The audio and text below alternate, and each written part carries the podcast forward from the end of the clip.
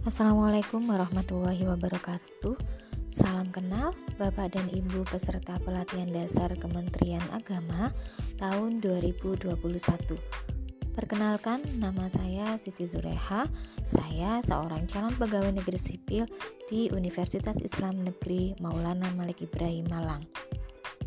Pada kesempatan ini, saya akan sharing tentang pengalaman saya selama mengikuti Latsar pada agenda ketiga pada agenda ketiga memasuki hari ke-8 agen uh, hari ini kami diampuh oleh Ibu Kurota Ayun SEMM. Agenda 3 ini kami dibekali tentang nilai-nilai manajemen publik. Pembelajaran hari ini pada uh, agenda 3 hari ke-9 adalah pembelajaran secara asinkronus di mana kami dituntut untuk belajar mandiri.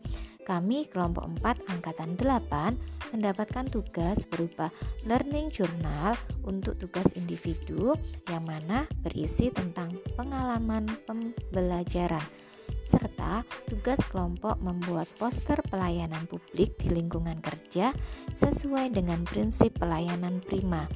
Diharapkan dengan memahami prinsip pelayanan prima, kami para calon pegawai negeri sipil dapat menjalankan fungsi sebagai pelayan publik dengan prima pula, sehingga terciptalah manajemen ASN yang berintegritas. Demikian dari saya.